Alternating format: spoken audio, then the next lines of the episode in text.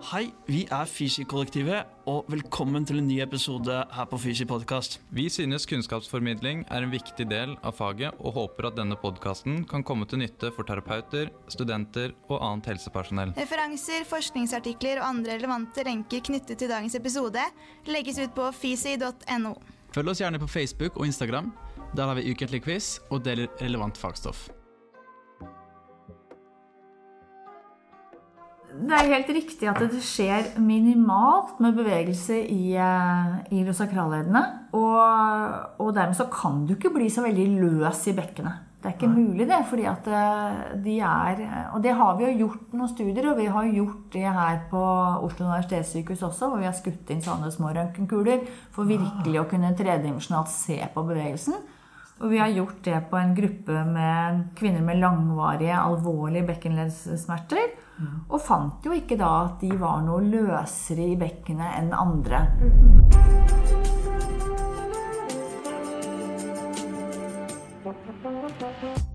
Hei og velkommen til nok en episode her på Fysi podkast. I dag så er vi faktisk to verter eh, som er sammen med intervju... Nei, ikke intervjuet, men podkastobjektet vårt, hvis det er lov å si. Ja. Mathilde, hei på deg. Ja. Og så har vi vår eh, prominente gjest, Britt Stuge. Og hvis dere har hørt dette navnet før, så kan dere jo egentlig gjette dere til hva tematikken i dagens episode er. Det er nemlig bekkenleddsplager. Hvem er så du, til de som ikke kjenner deg? jeg er også fysioterapeut, eh, og har vært det i eh, veldig, veldig mange år. Eh, jobbet i privatpraksis fra første dag etter turnus. Og det, etter hvert så ble jeg litt frustrert over ikke kunne nok på det jeg jobbet med. Og det var spesielt da kvinner med det vi kalte før, at det kaller en da bekkenløsning. Eh, og den frustrasjonen og fortvilelsen av ikke vite nok eh, resulterte i at eh, jeg begynte å ta, tok et, først et hovedfag, og så tok jeg en doktorgrad. Og så har jeg da jobbet som forsker her ved Oslo universitetssykehus siden 2006. Eh, samtidig som jeg i en liten bistilling også ser pasienter. Og da er det hovedsakelig kvinner og noen få menn med smerter relatert til bekkenet. Og jeg sa at dette eh, det jeg startet med, var bekkenløsning. Det har jeg syntes har vært en veldig sånn dårlig betegnelse. Fordi vi har ikke noen holdepunkter for at kvinner som har smerter i bekkenet, er løse. Og det jeg har sett i så mange år, er at kvinner fordi de føler seg løse, øh, og får beskjed om at de er løse, at de da må gå og stramme og holde. Og det i seg sjøl kan gi mye utrygghet og usikkerhet og mye muskelspenninger og forverre tilstanden. Så jeg har jobbet en del for å komme bort fra denne terminologien bekkenløsning. For det er egentlig en normal fysiologisk prosess som skjer hos alle. Og det har ingenting med smerter å gjøre. Eh, Og derfor så har vi diskutert hva, hva er det vi egentlig snakker om. Og da Før vi går videre, så vil jeg gjerne takke Fysika journalsystemer, som er med å sponse denne episoden av Fysi podkast. Fysika er et journalsystem som er skreddersydd for deg som jobber med muskel- og skjelettsystemet. Siden oppstart av Fysika journalsystemer i 2012, så har det vokst til å bli et ledende journalsystem i Norge for fysioterapeuter og andre behandlere som håndterer plager i muskel- og skjelettsystemet.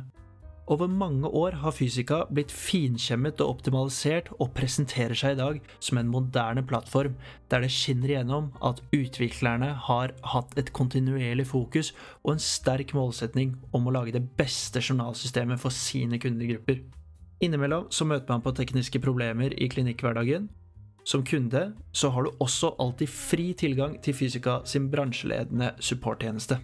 Så takk for at dere sponser denne episoden, Fysika. Nå går vi videre til dagens episode. snakker vi om bekkenleddsmerter. Og det er en betegnelse som vi nå bruker eh, i mye, mye større grad.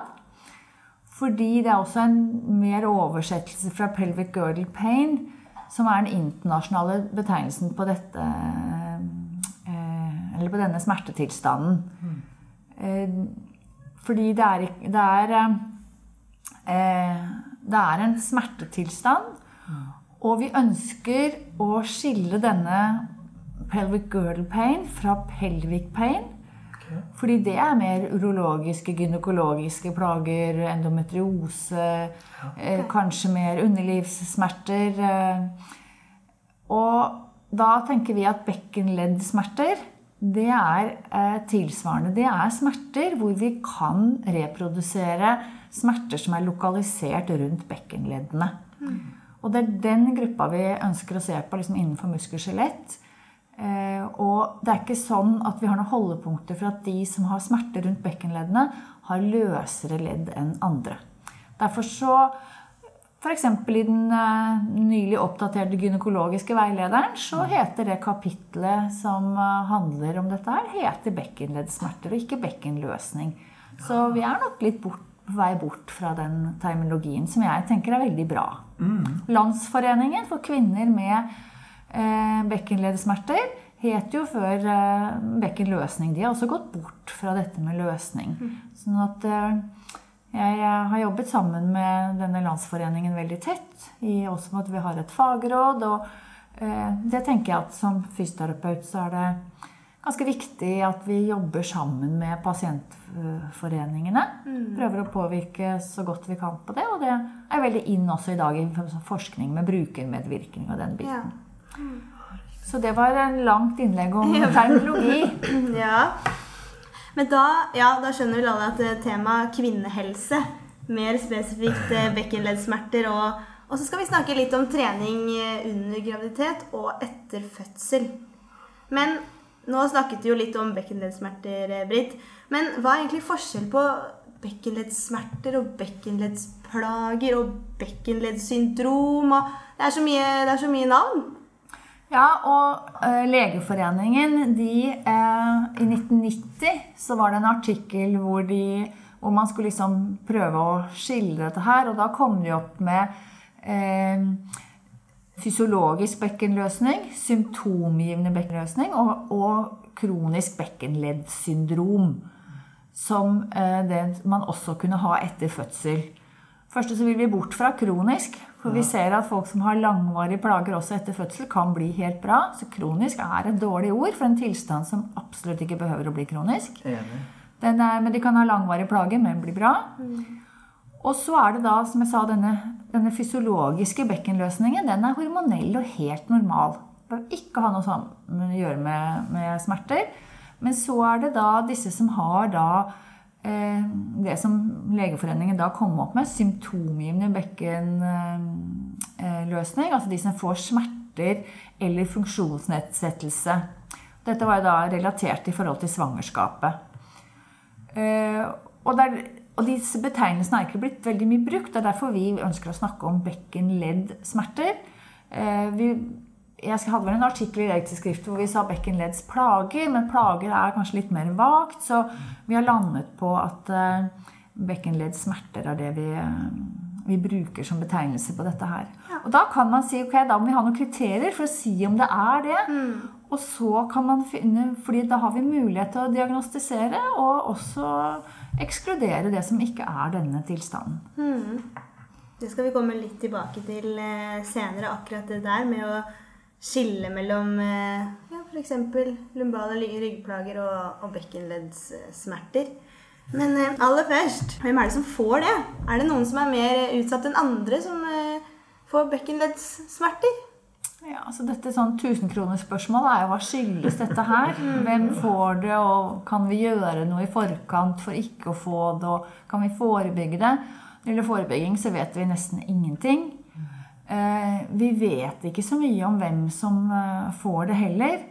Eh, det er vel liksom av sånn risikofaktorer eller også mer prognostiske faktorer, sånn som hva som kan vedvare over tid. Så er det vel de som har hatt ryggplager av en alvorlig grad tidligere, det er vel de fleste studier De er vel enige om at det er, kan være en risikofaktor. Og hvis du har hatt intense eh, smerter, så er det også liksom tidligere så kan det også være en faktor som kan påvirke i hvert fall varigheten av disse, disse plagene. Tenker man da på en måte at systemet eller organismen er litt mer eh, sensitiv og mottakelig for å kunne utvikle andre typer smerter, eller er det liksom noen teori om at eh, siden det er ryggplager, at det er så nært beslektet med bekkenet at eh, klart at Her er det nok mange faktorer som er lik innenfor mye av muskel-skjeletthelse. Og, for det er jo mye muskulatur, ligamenter, som er berørt i dette her. Og mange av de samme faktorene som er relevante for eh, korsryggsmerter, er jo relevante for bekkenleddsmerter. Samtidig så ser vi jo at det er eh, forskjell på eh, kvinner som, i forhold til de studiene vi har. Hvis vi har sett på studier da med kvinner med bekkenleddsmerter og sammenlignet de med kvinner med ryggsmerter, så skiller de seg. Og det gir noen holdepunkter for at dette er noe annet enn ryggsmerter. Og det vil også si at man kanskje skal behandle de på en annen måte. Så at diagnostisering og prøve å klassifisere hva slags type plager er det denne pasienten har Det er klart du kan ha begge deler. Men hva kom først, og hva er mest dominerende? Det er noe av det viktigste. Så i enhver undersøkelse av en pasient med, som man tror har bekkenleddsmerter, så inngår det en undersøkelse også av ryggen. Man må gjøre en god klinisk undersøkelse for å finne ut om dette er Har det noe med leddene å gjøre? Er det bare muskulært? Er det ikke noe med bekkenet? Er det underliv? Er det, det er, Som i all annen fysioterapi så er en klinisk undersøkelse noe av det viktigste vi eh, har til grunn for hva vi skal gjøre. Ja. Og er det noen sånne karakteristiske funn da, som gjør det enklere å skille mellom eh, korsryggsmerter og, og bekkenleddsmerter? Altså, lokaliseringen er jo ganske viktig. Eh, selv om det kan jo være at du har smerter rundt illusakralleddet, og det kan absolutt være utstrålende smerter fra rygg like mye som det er Så lokaliseringen er heller ikke noe sånn Å ja, der har du vondt, da er det dette her. Eh, men, eh, men lokaliseringen er absolutt sier noe. Og type smerte sier noe også. Og vi ser jo at eh, i eh, studier som har prøvd å sett på ryggpasienter og bekkenpasienter, så er det typiske karakteristika for rygg er jo at de rapporterer at sitting er kanskje den aktiviteten som provoserer mest. Mens de kan gå i mye større grad enn kvinner med bekkenleddsmerter, som jo rapporterer at det å gå er det som provoserer smertene mest. Så bare det med anamnesen, så kan man få en indikasjon på om dette er rygg eller om det er bekken. bekken. Er det mest eh, kvinner, eller er det, er det menn også? Dette er nok mest kvinner. Og det som er rart, er jo at eh, dette er eh, ofte helt friske kvinner. Kanskje aldri hørt om eh, bekkenleddsmerter engang. Kan være gravide, ute på en løpetur, et eller annet, og så pang. Oi, det var noe som skjedde. Eller de gjorde en vridning, vaska et gulv, et eller annet. Oi, noe skjedde. Og når jeg begynte med dette her for eh, 35 år siden, så husker jeg at eh, da var det mange som kom og sa de hadde vært på helsestasjon, sagt fra til eh, jordmor at de hadde vondt, og jordmor hadde sagt jeg hadde ikke vært for at du er så tidlig i svangerskapet, så ville vi trodd at dette var bekkenløsning. Men det får man ikke før på slutten, hvor du blir tung og begynner å vagge. Og... Men det stemmer jo ikke. For dette er jo Og særlig kvinner som da kan kjenne, eller har hatt bekkenleddsmerter før, kan jo da plutselig kjenne på at oi, jeg må være gravid igjen. Før de har blitt kvalme, eller før de har noe test, og kanskje ikke de har tenkt å bli gravide, men de kjenner på bekkenet okay. at de er eh, gravide.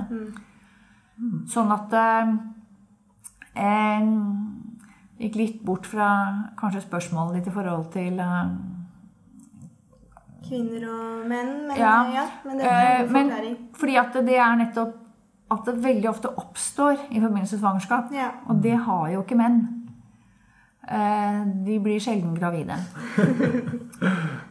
Forskningen som er gjort, er, når det gjelder bekkensmerter, har jo vært gjort særlig i svangerskapet. Ja. Fordi at det er der det kommer som lyn fra klar himmel eh, hos veldig mange. Eh, Men jeg ser jo at sånn i eh, min kliniske praksis så ser jeg jo en del menn som kan ha vært operert for rygg både én og to og tre ganger. Og, og så viser det at det er et bekken illusakralhetsproblem. Og det har vært veldig oversett. Nå er det veldig inn igjen innenfor kirurgien. Da er liksom, det går jo sånne, I forskning og i, så går det jo sånne sannhetsbølger, og så tror vi veldig på én ting, og så var det visst ikke det likevel, og så går vi bort på noe annet, og så eh, Men det har vært, ikke vært så populært i ryggsammenheng, for det har vært skiva som har vært liksom inn. Ja, ikke sant? Mens nå er IS-leddet litt, mer- litt mer tilbake, da. Ja. eh, Sånn IS-leddet er jo et ufattelig stabilt ledd, eh, hvis jeg har forstått det er rett. da. Eh, Så på en måte leddflaten da mellom sakrum og ilium, den er jo svært sånn ujevn, og at eh, når disse leddene da er inntil hverandre og forseglet med masse ligamenter, så ser jeg liksom ikke for meg at det kan skje så innmari mye bevegelse her. Um, er det en riktig oppfatning av det, eller er det, er det bevegelser eh, som er noe å snakke om, som eh, skjer i dette leddet? Altså, det er helt riktig at det skjer minimalt med bevegelse i, i i Mm. Og, og dermed så kan du ikke bli så veldig løs i bekkenet. Det er ikke mulig, det. fordi at eh, de er Og det har vi jo gjort noen studier, og vi har gjort det her på Oslo universitetssykehus også, hvor vi har skutt inn sånne små røntgenkuler for virkelig å kunne tredimensjonalt se på bevegelsen. Og vi har gjort det på en gruppe med med kvinner med langvarige, alvorlige bekkenleddssmerter.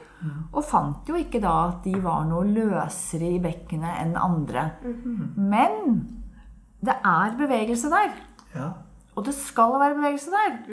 Så det kan hende at om du da, når vi snakker også om eh, det er masse diskusjon om har du, har du bekkenløsning eller har du bekkenlåsning, som blir den andre siden. Er, eh, er det låst eller ikke? Og, og behøver vi å se på det leddet, for det er så lite bevegelse. Men det er klart, du, du har veldig lite, og likevel mister det. Så kan jo det likevel få et, eh, en konsekvens. Sånn at, at det er ikke tvil i min sjel om at strukturene rundt iliosakralleddet er eh, affisert hos veldig mange med bekkenleddsmerter. Og at det er en, eh, en eh, ganske ubehagelig eller vond tilstand å ha. Men hvorfor det kommer, og, og det, eh, det vet vi jo ikke. Men det skal være bevegelse der. Men den er veldig liten. ja. Men, men vi skal jo egentlig ha den.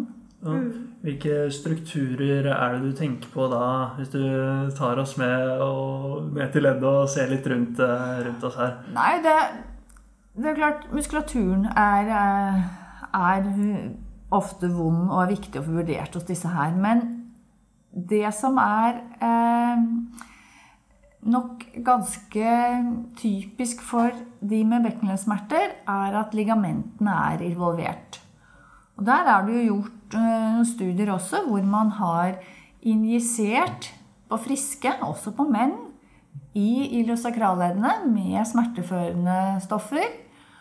Og da har de eh, forsøkspersonene fått da samme mønster som vi ser at disse kvinnene med bekkenleddsmerter har. De får de samme positive kliniske testene og får mye av det samme. Og det er jo en indikasjon også på at ligamentene her er berørt. Vi kan jo snakke litt om eh, hvordan behandling og råd og, og sånn du, du gir til de med bekkenleddsmerter. Eh, for klinisk erfaring sier jo at det ikke hjelper å gjøre mer av det som provoserer plagene, men eh, det er jo ikke det samme som at man ikke skal bevege seg i det hele tatt. Eller hva tenker du om det? Nei, og det eh, Det er jo der som i nesten i alt annet den gylne middelveien. Eh, og når jeg begynte med dette her, og samme var det jo da med ryggforskningen, så var det jo liksom bed rest. Det var det innen rygg. Det å ligge, det å hvile. Og det er kanskje Så vilt å tenke på. med, ja, med Gunvor Hilde, og, som er jo fysioterapeut, og den artikkelen som hun var med og skrev for lang tid tilbake, eh, som er kanskje et sånt paradigmeskifte innenfor rygg, som viser på at vi skal ikke bare legge oss ned. Og vi som fysioterapeuter har jo også rådet de til å hvile fordi vi er redd for bevegelse. Og når vi er redd for bevegelse, så blir pasientene redd for bevegelse. Og redd for smertene. På den andre siden så, så vi har jo de pasientene som vi er nødt til å, å sparke i gang. Og si at nå må du komme deg i gang. Nå må vi finne måter å bevege deg på. Eller hvor du beveger deg på. Eh, og så har du de som du faktisk må bremse. Så, så det er jo begge, begge sider der. Men bevegelse er viktig. Og bevegelse er vi nødt til å gjøre. Og, vi må, og derfor så tenker jeg at noe av det viktigste jeg gjør, og har gjort i, dis, i min privatpraksis og med disse pasientene i årevis, som jeg har lært av kollegaen Anna Bjørnstad, og som startet dette med, med behandling av bekkenløsning. Hun og Eli Heiberg som satte dette på kartet. Og det å lære seg virkelig å se på daglige bevegelser, å være analytisk og hjelpe å finne nyanser innenfor daglige bevegelser, sånn at du kan bevege deg uten å provosere smerte. For det er, det er mulig, men det er hvis du går og halter og henger, eller hvis du går som du tråkker over en ankel hver eneste skritt, så vil den ankelen bli vond. Hvis du lærer deg å gå på en annen måte, hvor du oppdager at ja, men jeg kan jo bevege meg sånn, og da gjør det ikke vondt, så er det faktisk det tror jeg er det mest nyttige. Eh, jeg i hvert fall Det er ingen øvelse som er så viktig og så fancy og så nyttig, enten det er kår eller hva, kjerner her og kjerner der. Altså det å få hjelp til å kunne reise deg, sette deg, gå, snu deg i sengen, finne daglige bevegelser, sånn at den daglige bevegelsen ikke provoserer smerten så mye, sånn at du kan være mer aktiv. Og så må man hvile litt innimellom. Og det er helt lov, og det kanskje vi må gjøre. Men ikke så langvarig. Og ofte og kortvarig. Og gjerne hvile litt før du får vondt. Så, eh, det er jo Jeg har opplevd å ha pasienter som har vondt i bekkenet. Og eh, enkelte av pasientene har liksom hatt så innmari vondt at det har vært vanskelig å, å finne liksom en nøkkel til det å skulle kunne bevege seg. Det å kunne sette seg ned på knærne, eller å eh, sette seg eh, på en stol, eller liksom eh, Har du fra din erfaring Nå er det ikke sånn at alle er like, og det tror jeg vi er veldig sånn det, er, det må ligge til grunn for å svare på dette spørsmålet. Men har du noen sånn følelse av hvordan man kan instruere på en god måte for å finne veien i ulike daglige bevegelser. Har du noen eksempler på hvordan du liksom ville gått fram og Ja, altså eh, De fleste må sette seg ned. Men de fleste må opp igjen fra den stolen. Og det er hvordan du kommer deg opp fra den stolen. Eh, hvis du da, Særlig hvis du er gravid, hvis du begynner med det, så har de jo en tendens til å legge seg bakpå. Ligge liksom i en eh, Kanskje en eh, henger i litt på strukturene. Og så skal du opp, og så lener du deg over til siden og bruker armene til å komme deg opp. Og så beveger du deg rett opp mot taket. Sånn du, og det er tungt å gå liksom rett opp mot, eh, mot Ikke taket. noe sving eller moment i Og det, liksom? istedenfor da også med samla bein, og så kommer du deg opp med ved hjelp av armene. Ser ut som en sånn 90-åring. Jeg trodde jeg begynte når jeg hadde grupper før med gravide kvinner med backlengsmatcher var det som å jobbe på når jeg hadde praksis på sykehjemmet. Mm. For de ser ut som 90-åringer og beveger seg som det. Og så når du kommer opp og står der med parallelle bems, så ta det første skrittet, og det er vondt i symfysen, skjær, eller IS-leddet, det er skjærende krefter. Og da får du veldig stor vektarm på de leddene, og skal du ha fram det første beinet. Da er, det får du ikke gjort uten at det gjør vondt. Nei. Og da må du prøve å få satt, be de sette seg ned igjen. Så setter du det ene benet bak det andre, og så kanskje du bøyer deg fram i hofteleddet. Det vet vi hva fysioterapeuter hva er. Og så tar du fart, og så tar du skrått rett fram og kommer deg opp. Istedenfor å ligge bakpå og rett opp mot taket, så går du fram hvor du skal. Og så må du finne ut da at du ikke eh, går i full svai, hvis det er den svaien som er ditt mønster så det vondt i, eller at du ikke henger ned som en sånn Hvis du sitter i denne rekefasongen og du reiser deg med halen under beina, og, så er det vanskelig å komme opp. Så det å finne og komme i nøytral stilling, så har jeg vel til gode å ikke at øh, Jeg tror jeg har til gode å hjelpe en pasient til å komme og reise seg med i hvert fall mindre smerte. Og i hvert fall det å reise seg ikke skal provosere smerte. Jeg tror det er utopi å tro at, øh, at jeg kan, og en andre kan liksom si at åh, nå skal vi kurere smertene dine med sånn Nå er du over. Men det å hjelpe de til å kunne bevege seg uten å provosere mer smerter, det er viktig. Og det er fullt mulig. Men da må vi bruke et klinisk blikk. Du må se på eh, Jeg husker en kollega eh, som har jobbet mye med bekken, Diane Lee, sa en gang hvor hun så meg jobbe, og så sier hun This is art, Britt. Dette er liksom Det er Og tenkte jeg Det er jo bare noen øvelser. Det er jo bare Men det er nyansene, og det er noe med å få og så må du gjøre pasienten trygg. For hvis jeg er usikker og redd og lurer på om dette Å, guri mann, går dette? Så smitter det på pasienten. Ja. Jeg er helt sikker på at du klarer å reise deg opp uten noe vondt. Nå finner vi en måte. Ok, går vi til den Hvorfor provoserte? Jo, fordi du går inn i den svaien som du ikke tåler. Og hver gang du reiser deg opp, så øker du svaien din, og så kommer smerten din. Kan du gå tilbake. Så må pasienten, så tror jeg man må jobbe Jeg vet at jeg har gjort, og jeg vet at kollegaer gjør, at vi skal gjøre de riktige bevegelsene og de riktige øvelsene, og pasientene kommer og sier 'jeg har gjort så mye feil'. For vi bruker nok litt riktig og feil. Men det er pasienten som skal kjenne. Det er ikke noe som er riktig og feil. Men du må kjenne om Får du mindre vondt når du gjør det på denne måten enn denne måten? Og hvis du kjenner en forskjell, så er jo det som motiverer deg til å fortsette å gjøre det. Ja. For jeg sier jo til pasientene at du kan velge selv. Det er samme for meg hva du gjør. Men hvis du syns at dette F.eks. å stå, da. De klarer ikke å stå over tid. Men de står på hæla og med, henger eh, med halen under beina. Og det gjør vondt. Du blir kjempesliten. Og hvis du får endret tyngdeplassering, så ja, men da forsvinner den der eh, kloa bak i ryggen. Ja vel. Gå tilbake igjen, da. Å ja, nei, der er den. Ja, men og, gå, Ikke sant? og da kan du finne Og så enkelt kan det være.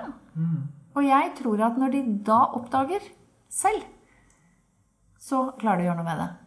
Og det tror jeg er den viktigste øvelsen vi gjør i behandling av eh, i hvert fall denne pasientgruppen. Veldig godt poeng det der med å, å gå litt bort liksom At man må slutte med det der hva som er riktig og hva som er feil.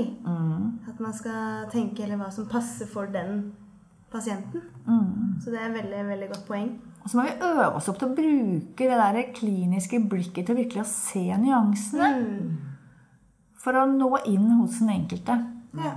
Jeg, jeg syns det er et utrolig godt poeng å liksom også få fram i lyset at eh, vi er eksperter på bevegelse. Vi, eh, vi skal i hvert fall være det. Vi, og, og kunne se disse detaljene. Da.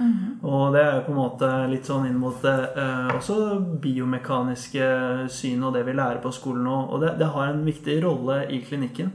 Så dette vi Ja, for ikke, for ikke bare det å som du sier, se, men vi også se og skjønne. Vi kan godt skjønne hvorfor du får så vondt, for du henger på strukturene dine hele døgnet. Enten du står eller du sitter, så henger du.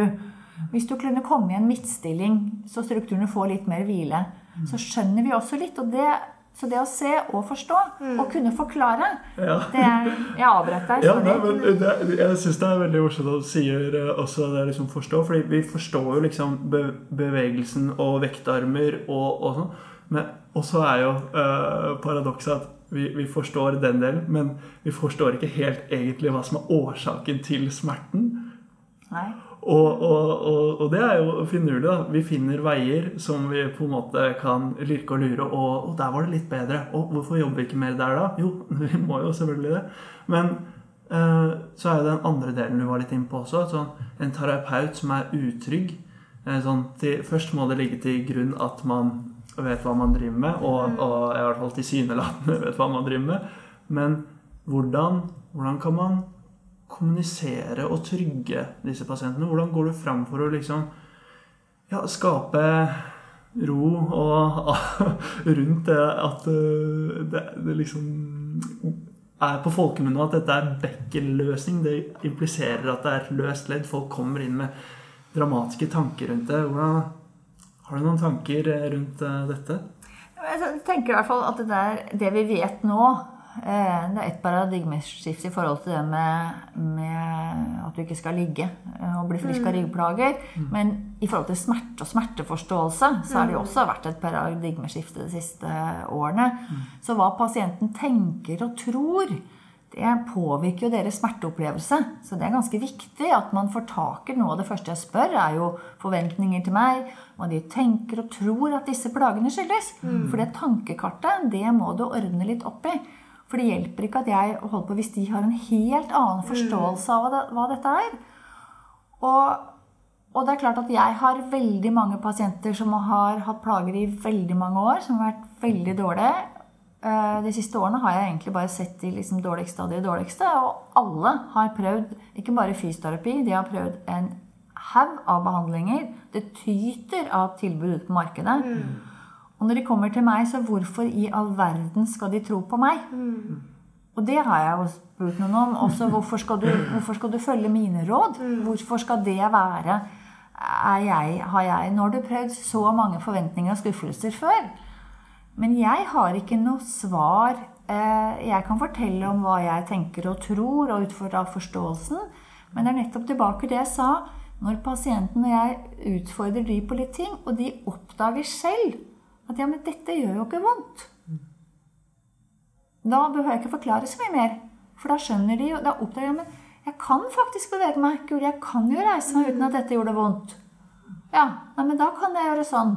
Og så blir de tryggere, og så kan man ta det derfra. Avdramatisering og, og sånn også Ja. er jo ekstremt viktig. Ja. Men det er ikke nok bare å si at dette er ikke farlig, Nei. uten å ta de på alvor. Ehm, og da tenker jeg også at når vi snakker så mye nå om disse kognitive faktorene eh, Det er jo veldig inn. Men da må vi Og jeg vet jo mange som har vært innlagt på sykehus, de har vært på rehabiliteringssentre. De sier de har fått store doser kognitiv terapi. Det hjelper ingenting. Og de får masse trening, og de er så dårlige som de drar hjem derfra og dårligere enn de noen gang har vært. Og så tenker jeg at, og så, spør, og så undersøker jeg de, og så påstår de at jeg aldri ble Og jeg er jo ikke noe sånn fancy på undersøkelsen min. Jeg er en helt vanlig fysioterapeut og gjør enkle ting. Men de likevel så påstår de at jeg aldri er blitt undersøkt på den måten. Og da tenker jeg at en god klinisk undersøkelse er en så sterk kognitiv faktor at hvis vi glipper der, så er det ikke noe rart at ikke kognitiv terapi hjelper. Det er veldig Nå interessant. ble jeg veldig nysgjerrig på undersøkelsen til eh, Britte. Hvis du skal liste opp sånn litt sånn uh, kort uh, Hva er det du alltid inkluderer i en undersøkelse av, uh, av bekkenleddet? Altså, først så er, eh, bare for å sagt det, så er sykehistorien utrolig viktig. Jeg bruker lang tid på sykehistorien, ikke minst for å vite hva som provoserer, hva som lindrer, hva pasienten tenker og tror, og hva de ønsker, og hvem er du? For det er ganske viktig i forhold til hva er målene, og hva vi skal legge opp.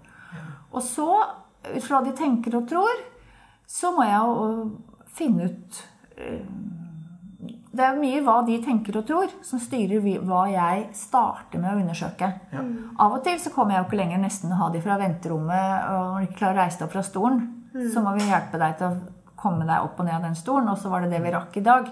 Så får du komme igjen neste gang, også, men så kommer de og sier jeg er så mye bedre etter behandling enn sist. Og vi har jo egentlig ikke verken undersøkt eller behandla, nesten. Sånn at det kan være én bit av det.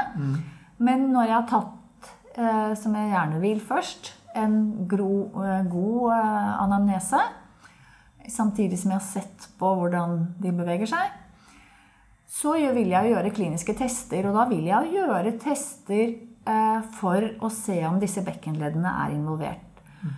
Og det er ikke dermed sagt jeg gjør det første gangen, men provokasjonstester av bekkenleddstrukturene er ganske viktig. For hvis de er negative, ingen provokasjonstester, ikke palpasjon, smertelokaliseringen er ikke helt akkurat til leddene heller, så eh, har jeg jo en, mange eksempler på å si at vet du hva, plagene dine har ingenting med bekkenleddsmerter å gjøre.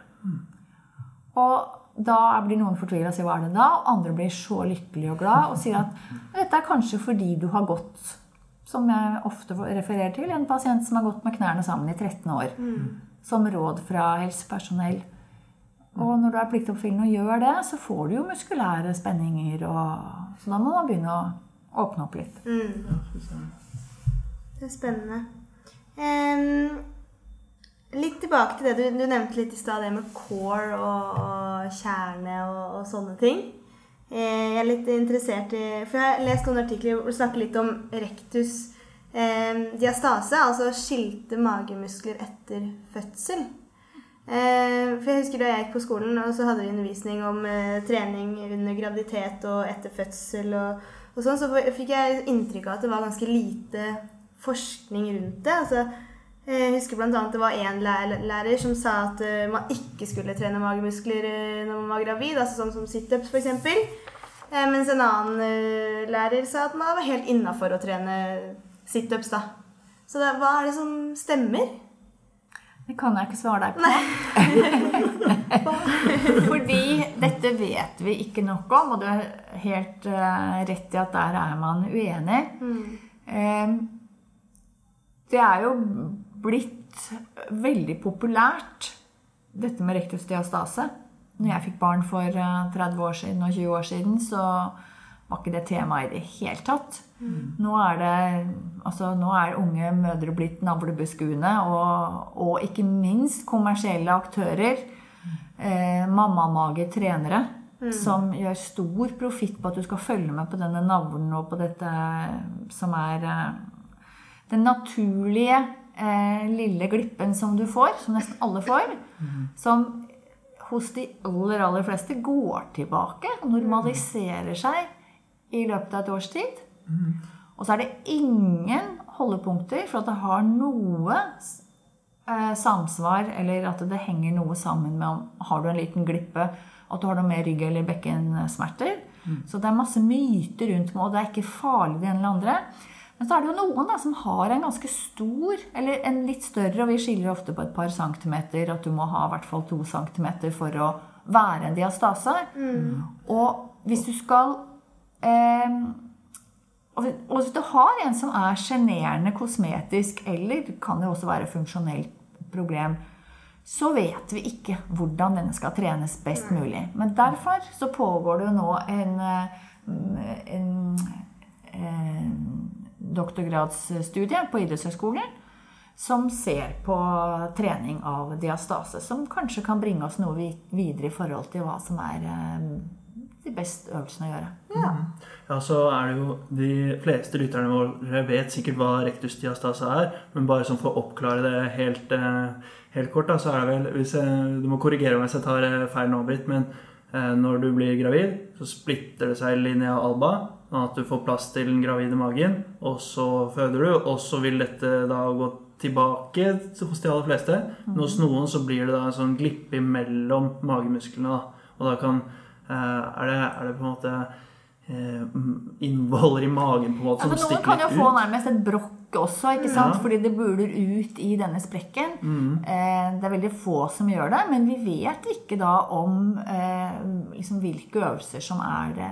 Og det kan godt hende også at det vil være litt individuelt. At, så, eh, enn så lenge klinisk så må man se når du gjør de ulike øvelsene, hva skjer med magemuskulaturen? Hva, buler du ut når du er sånn, eller buler du ut når du er sånn? Det er vel det vi har å holde oss til eh, i dag. Planken, f.eks., som er en ganske, etter min mening, litt dum øvelse.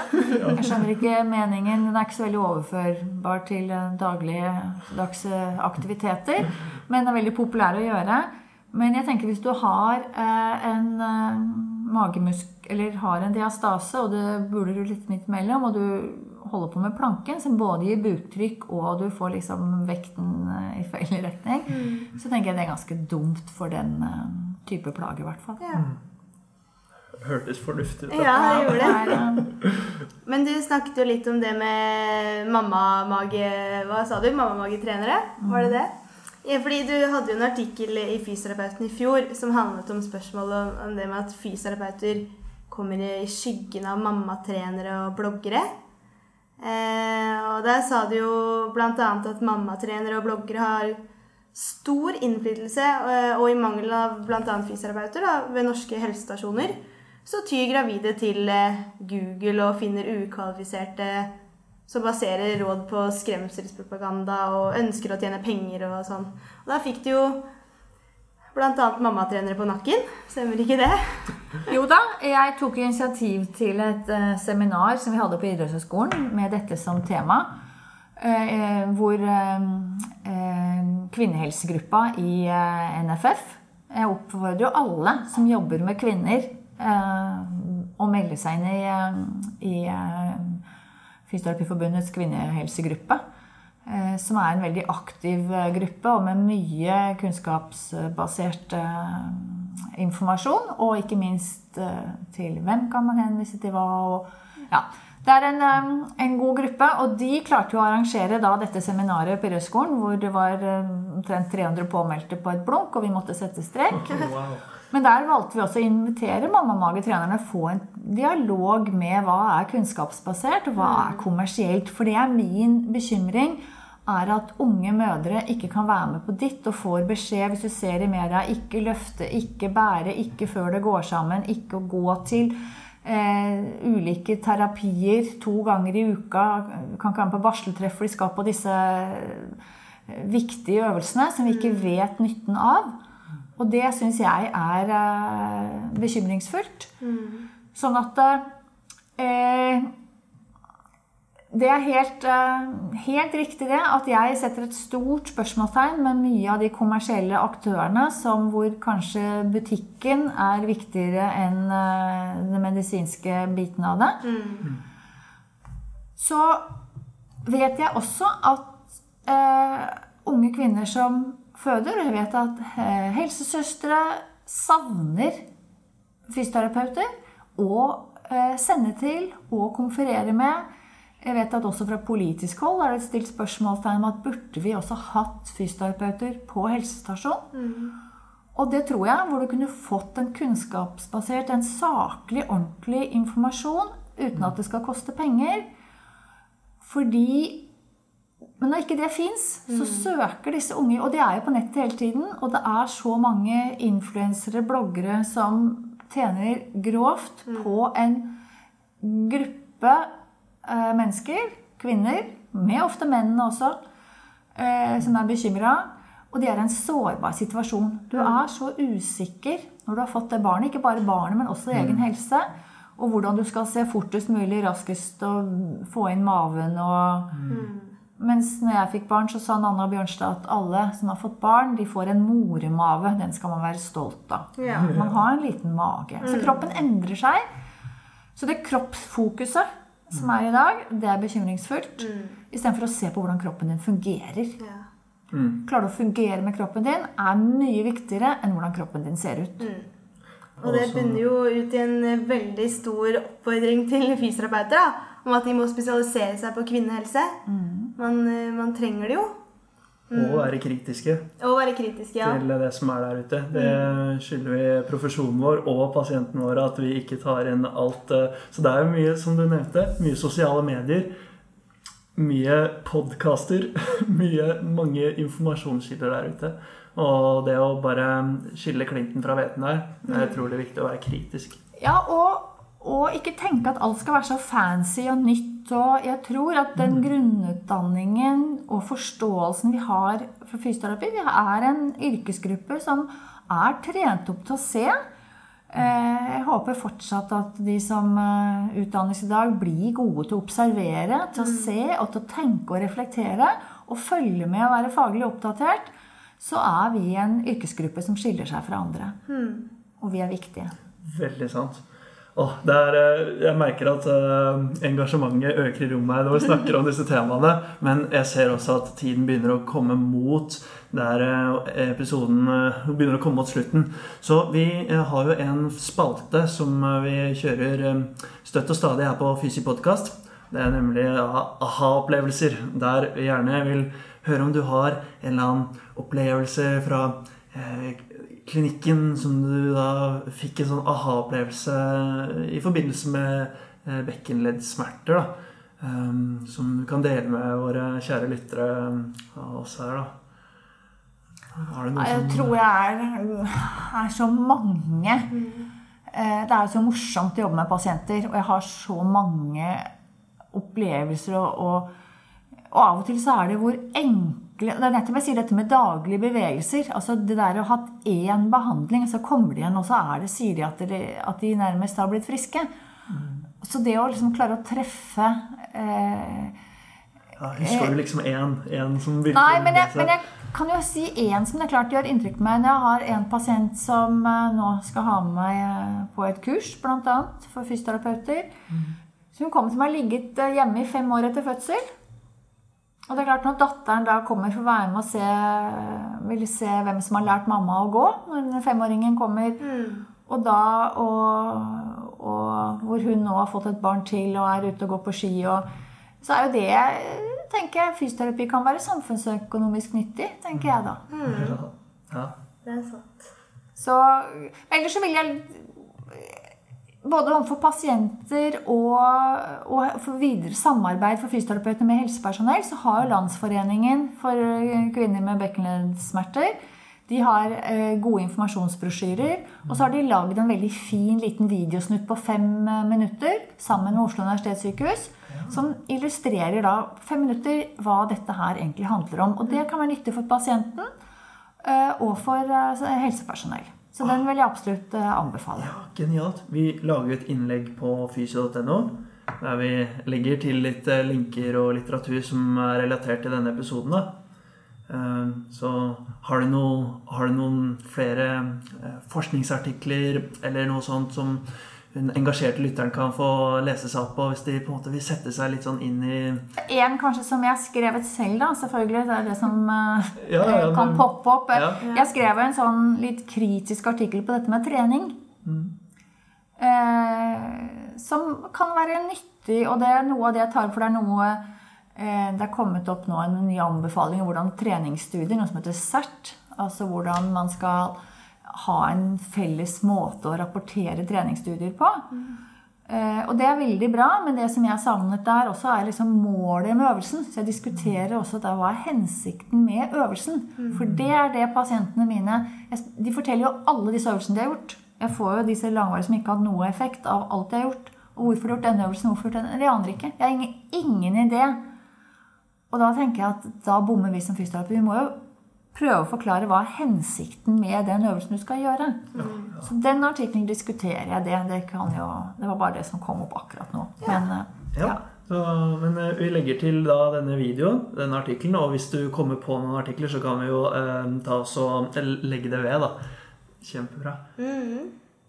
Så ja, tusen takk for at du hadde lyst til å være med og prate litt med oss. Det har vært veldig lærerikt og spennende. Enig. Herregud, kunne sitte her mye lenger. det kunne nok jeg også. Men eh, takk for at jeg ble invitert, og takk for at dere gjør denne kjempefine jobben med å spre fysioterapikunnskap. Det var snilt sagt. Da. Ja. Men, eh, da takker vi for oss her på Fysi-podkast i dag. Så hører dere en ny episode senere her, vet du. Så ha det bra. Ha det. Lykke til! Takk for at du hørte på Fysi podcast. Håper du likte denne episoden. Følg oss gjerne på Facebook og Instagram. Der har vi ukentlig quiz og deler relevant fagstoff. Vi selger T-skjorter og annet merch på fysio.no. Vi har mange planer og mål, og omsetningen av merch skal vi bruke til videre prosjekter og kunnskapsformidling. Husk å abonnere og rate podkasten, slik at vi når ut til flere.